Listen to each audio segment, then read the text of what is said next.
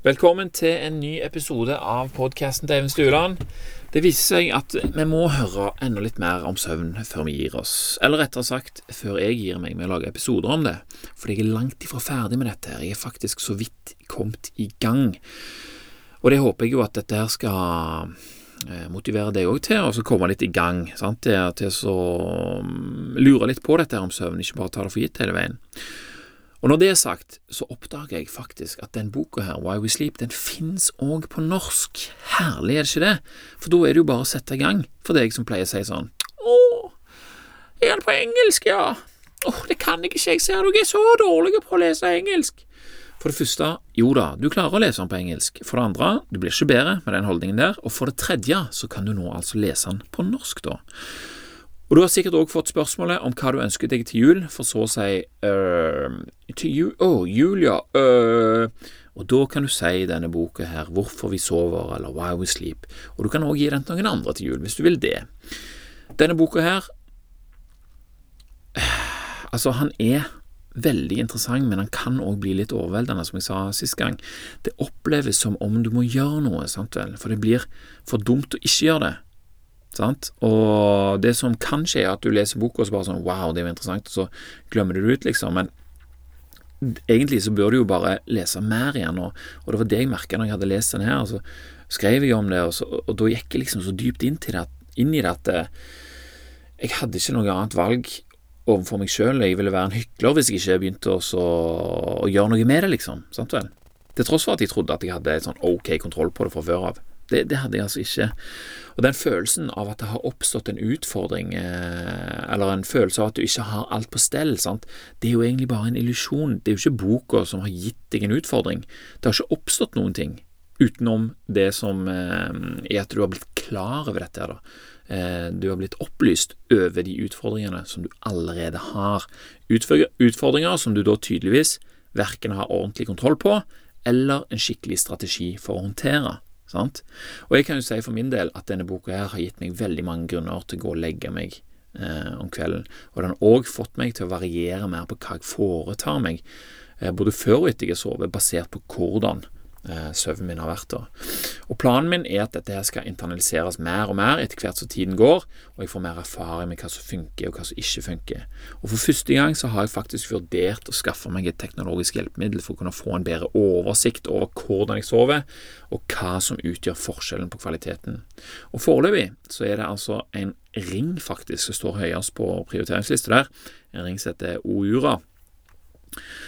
Eh, måle alt mulig. Eh, det måler pulsen din, sant? rem og n-rem og um, hva mer, temperaturen din og litt sånn forskjellig. Eh, men det, det, som jeg liker med den, er at den er uten skjerm, sant vel? så det er jo igjen ikke så forstyrrende underveis. Det blir litt sånn som å For eksempel sånn som jeg har prøvd på i det siste, å bare ha Facebook på PC-en, ikke ha det på mobilen. For da må du liksom sette deg ned, og da er det en ting du skal gjøre. Sant? At, eh, at det ikke driver så styrer for mye av tiden din eh, underveis, da. Um, så hvis det er noe du har prøvd, denne ringen her, så vil jeg gjerne høre om, om dine erfaringer. altså. Og på slutten av Grunnen til at jeg har tenkt at eh, jeg vil prøve det, er fordi at på slutten av boka så forteller Matthew Walker hva han mener om hvordan vi kan bruke teknologien som vår allierte i jakten på en god restitusjon for kropp og sinn, istedenfor at teknologien skal hemme oss, sånn som den har gjort stort sett siden Oi, unnskyld. Siden Edison fant opp lyspæra lyspærer og elektrisiteten. Problemet vårt er at vi tror vi bare kan bruke alt det spennende av teknologi som dukker opp, uten å forholde oss til hva det forandrer for oss, sant vel? Og det kan vi ikke. Eller vi kan jo gjøre det, selvfølgelig, men det går ut over ting og tang. Og det er jo det det har gjort, dette her. Det er jo, det er jo ikke noe tvil om at vi, vi sover nesten to timer mindre nå per natt enn hva vi gjorde for 50-60 eh, år siden. Sant? Og dette har med teknologi og hvordan vi lever i samfunnet vårt å gjøre. Og det som jeg har ment lenge òg, sånn at liksom folk spør meg sånn 'Å, du vil Ja, du er født eh, 500 år for tidlig, du. Det er for seint, og liksom Du vil reise tilbake i tid.' Det handler egentlig ikke om det, men det handler, på, handler om å spare på de gode tingene som vi har, fra der vi kommer fra, og så sammenføye dem med de nye tingene som kommer opp her. At vi, at vi er litt selektive på hva vi velger å bruke, og, og hva, vi, hva vi virkelig bare da ser for det det er, at dette her er Ja, det er deilig å holde på med, men det ødelegger for oss. Vel? Så med denne her ringen så føler jeg at eh, det var en sånn ålreit eh, ålreit hjelpemiddel til dette her. da. For teknologien den er kommet for å bli den. Vi, skal, vi kan ikke reise tilbake til, eh, i tid. Men å ta grep i retning av det som samsvarer med vår biologi da, i forhold til teknologi, det er den eneste riktige veien å gå fra det som er dagens ukritiske bruk og misbruk, eh, mener jeg iallfall. For det er sant, det ender jo opp med at det gir blant annet sånn som søvnen vår en ekstra utfordring. nå. trenger vi det? Nei, kanskje ikke. Men først nå så skal vi altså få oss en skikkelig oppvåkning av hva angår søvnmangel, sånn at vi får en liten sånn skrekk i oss her, at vi liksom Fager òg, er det så gale? Så eh, da kan vi jo starte med det faktumet at det er ingenting som blir spart her. Alle kroppens systemer og funksjoner preges av søvnmangel. Og tar du ikke grep for det bedre, så vil disse her bagatellmessige konsekvensene, som de er da til å begynne med, de vil akkumuleres til det med alt det som vi tenker at vi ikke vil ha i det daglige. Men som, altså, Vi vil ikke ha det, men vi tror ikke at vi får det. Men det handler om kreft, det handler om Alzheimers, demens, hjerte- og karsykdommer, angst, Depresjon, slag, selvmord, infertilitet, overvekt, kronisk smerte, spillegalskap og uvøren risikotaking. Sant? Alt dette her og masse mer. Hvordan vi har sovet, preger hvordan vi handler, hvordan vi tenker og hvordan vi reagerer på det som skjer med oss og det som skjer rundt oss. Og En av de første funksjonene som vakler etter en dårlig natt, det er konsentrasjonen vår.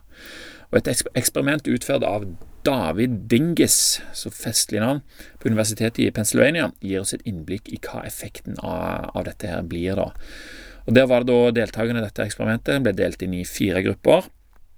Ei gruppe gikk uten søvn i 72 timer, neste gruppe fire timer eh, søvn per natt, tredje gruppe seks timer, og siste gruppe åtte timer per natt, som en kontrollgruppe. Og Testen var veldig enkel, den. Eh, du skulle bare trykke på en knapp når du så et lys og blinker i tide og utide.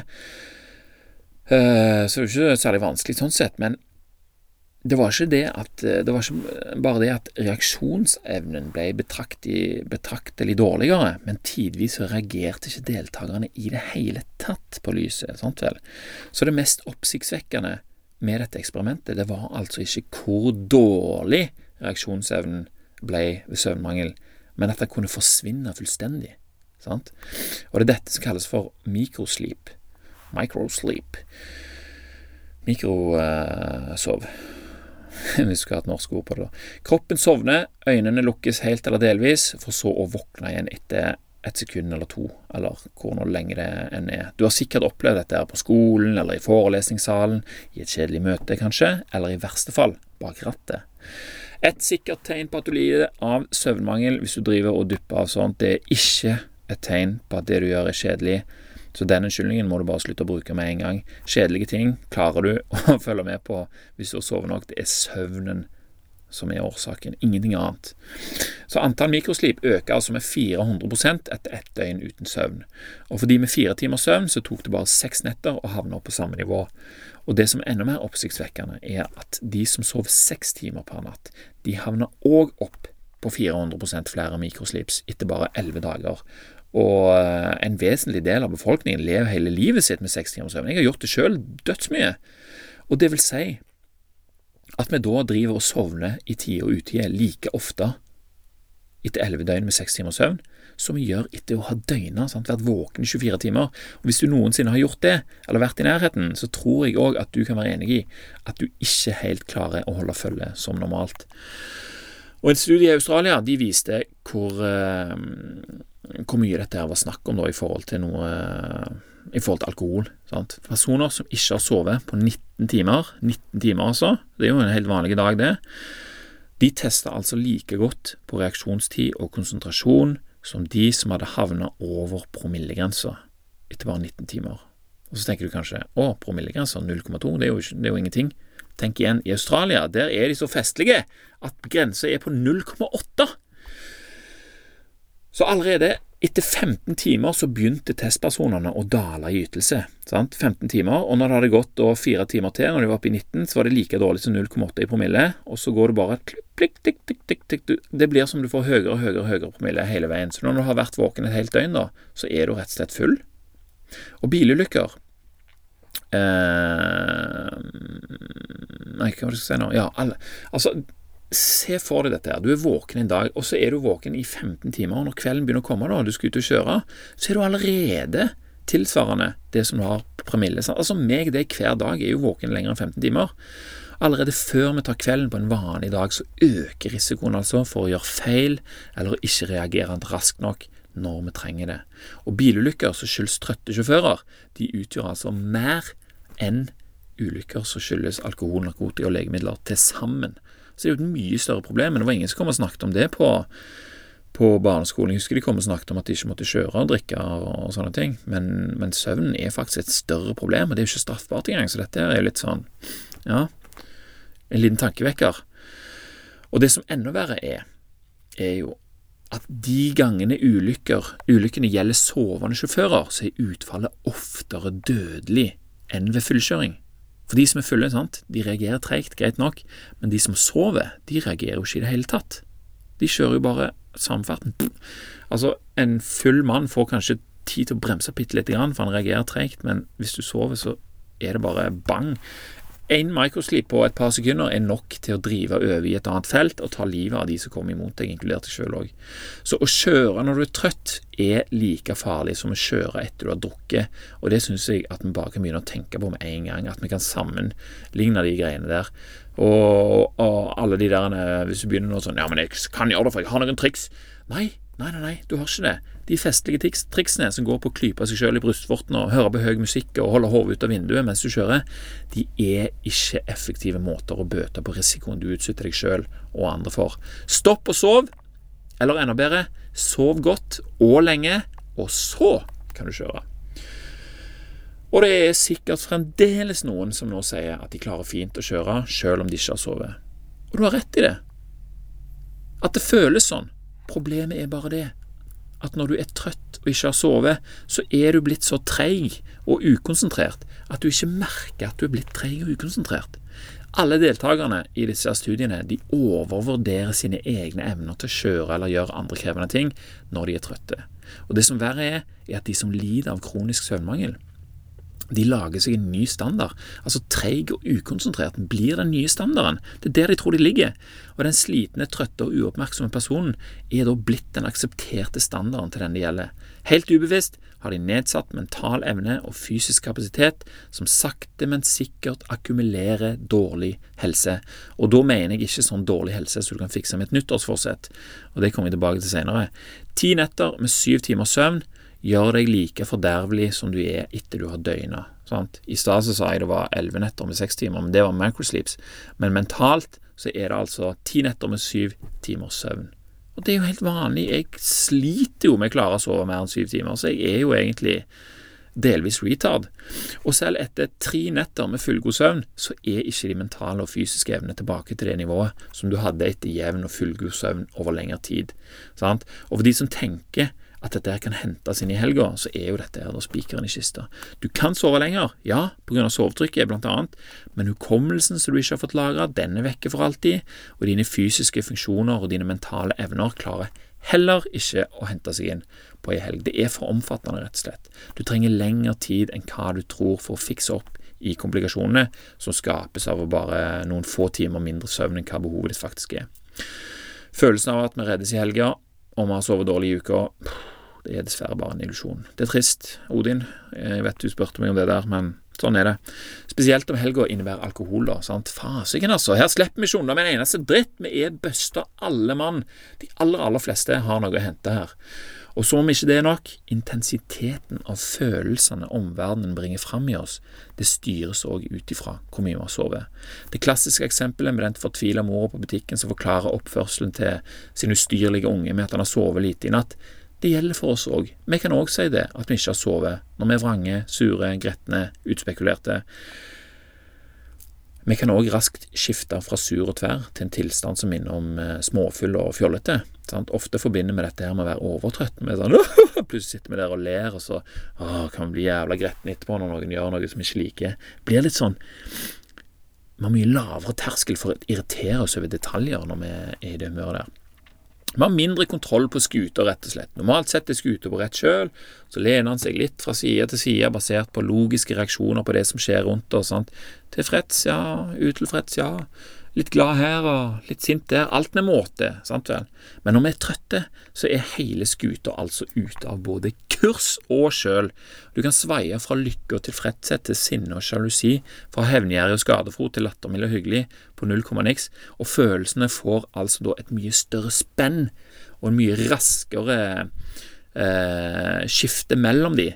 Eh, som da gjør at det selvfølgelig blir mye vanskeligere å styre følelsene våre. Sant? Vi agerer mye mer på det vi føler.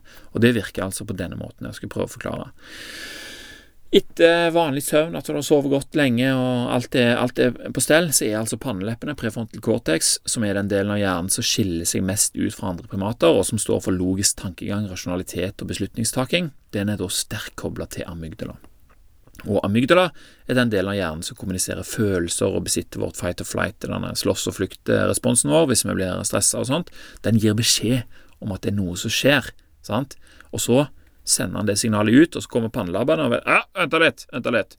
Sjekker du med pannelappene, sjekker med sin logiske og rasjonelle vurdering, og så gir han beskjed tilbake til, til deg, og det som oppleves som deg. Det er jo vanskelig, og mange personer inni denne her hjernen.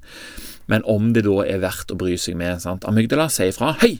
Gi gass, det er noe som skjer. Pannelappene Oi, det er ikke så farlig. Det var bare en fugl som flaksa inn i, i krattet der.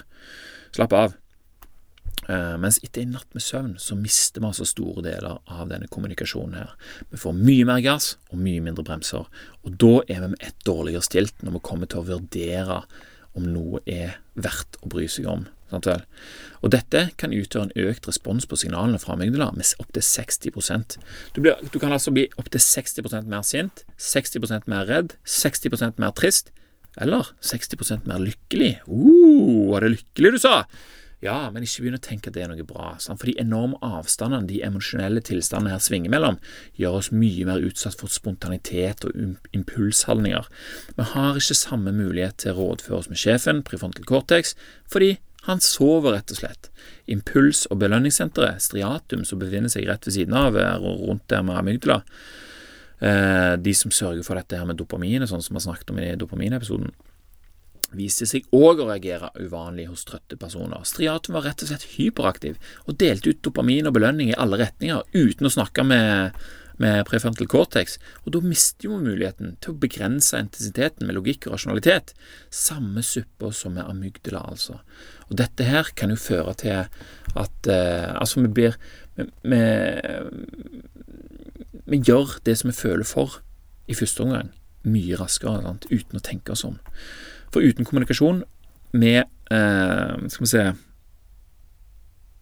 Vent litt nå. Ja, og dette her kan jo føre til at tanker om vold, mobbing og selvmord at det blir handla etter, istedenfor at prefrontal cortex får muligheten til å bagatellisere det. sant vel? Å, jeg lurer faen, altså, nå ble jeg deprimert, jeg lurer på om jeg skal hoppe ut fra denne brua her. Nei, nei, nei, sier prefrontal cortex, du trenger ikke det. Du har jo unger og familie og jobb, og alt er bra. Ja, ok, da. Sant? Men hvis du har 60% mer av eh, stemmen som sier at du skal gjøre det, og liksom mye mindre av den som sier at du ikke skal gjøre det, så øker jo sjansen. Men hva med de positive dopamindusjene, da? La, lavere terskel for å ta risiko, økt fare for avhengighet og økt hig etter spenning, det kan jo være like så destruktivt. Se for deg en som er ute og kjører bil, og så wow, er han trøtt, og faen, jeg tar denne forbikjøringen her, sant? Så gjør han det, istedenfor å tenke at nei, nei, nei, det er jo faktisk farlig.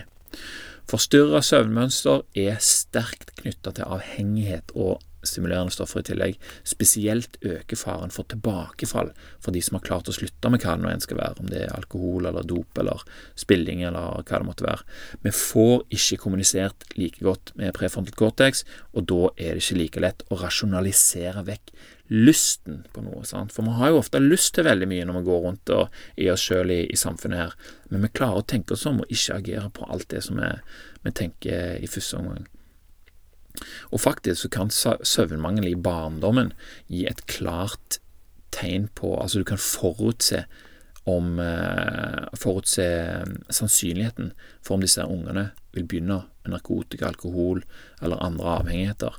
Og det syns jeg er noe som vi skal tenke på vi, hvis vi syns vi er snille med ungene våre når de får være lenger oppe. Vi er beinharde på den legginga, og vi prøver iallfall å være det. Og, men det er ikke lett, altså. For det er jo så kjekt. Iallfall når vi er på besøk til andre. Sånn, la de være oppe, sånn som det. Nei, ikke gjør det. Det er ikke verdt det.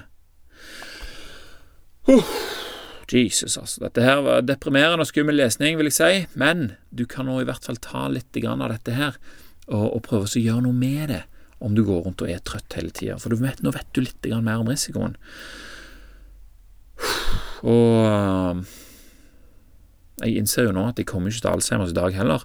Og Det betyr at det blir nok en episode om søvn. Du får bare tåle det, og vi har aldri godt av å høre dette her. I neste episode så får du da altså høre om Alzheimers, og mer om hvordan vi kan minske sjansen for at det skjer med oss. sant vel? I dag så får du høre om de, der første, de første tingene som skjer, som er mer med oppførselen vår og sånt. Men som jeg sa tidligere òg, at det er de tingene der, de samme tingene Du vil jo bli kvitt de for ditt liv nå, men, men, hvis du ikke klarer det, så vil jo de akkumuleres og bli til disse mye verre sykdommene, som kreft og de som er liksom virkelig alvorlige, da, så du ikke kan reversere, med mindre du må liksom eh, i gang med cellegift og alt sånt som dette her, og fremdeles kommer du ikke til å bli den samme personen som du var. Så denne episoden handler litt om det, men, eh, men det er det er òg viktig å tenke på hva vi kan gjøre for å luke ut noen av disse her tingene, sånn at eh, eller utfordringen er vel egentlig at vi må gjøre det nå, mange år før vi har problemene. Sant? Og det er kun det som kan utsette disse her eh, lidelsene eh, lenger, da, sånn at man kan klare å leve lenger med en hyggelig å være en hyggelig person, ikke en eh, eh Farmor mi hun fikk Alzheimers, for eksempel. Det var ikke noe hyggelig. Jeg skulle ønske jeg aldri hadde trengt å oppleve hun som en Alzheimers-pasient, men bare farmor som var helt ok, og så daua plutselig. Det hadde vært mye, mye bedre. Men nok om det. Nå skal jeg bare ta noen ting på slutten her, sånn at du har noe lite lekser, rett og slett, noe du kan jobbe med hjemme. Det er tolv tips da som myndighetene i Storbritannia har sagt er gode tips til um, å bedre søvnen din. Så det, det, dette var òg med i den uh, Why We Sleep-boka. Nummer én, legg deg og stå opp til samme tid. Ja, helgene òg. Ja, helgene òg, sant. Det er bare sånn. Det er det du må gjøre for å minske dette her. Det, det, det er, ingen bagatell. Trening er bra, men ikke for seint. 30 minutter til dagen er, er ok, det, men ikke, helst ikke seinere enn tre timer før leggetid. Sant vel? Unngå koffein og nikotin. Jeg har faktisk litt vondt i hodet i dag, fordi i dag er første dagen uten koffein for min del. Jeg har bare tenkt at nå, nå skal jeg bare være uten. Jeg vet ennå ikke for hvor lenge. Kanskje Tenk hvis jeg er for resten av livet. Jeg får se.